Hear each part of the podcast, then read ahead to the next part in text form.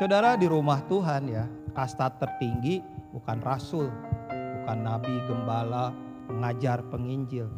Kasta tertinggi adalah ayah. Siapa yang punya kapasitas ayah? Ada banyak nabi gak punya kapasitas ayah. Kenabiannya bukan menyatukan, memecah belah. Ada banyak rasul gak punya kapasitas ayah. Apa yang terjadi? Yang harusnya disusun rapi, dihancurkan oleh dia. Kenapa? Karena nggak punya kapasitas ayah. Kapasitas ayah tuh beda. Dia bisa duduk dengan siapa pun, dia bisa memeluk siapa pun, dia bisa menerima siapa pun, dia bisa menangkap apa pun.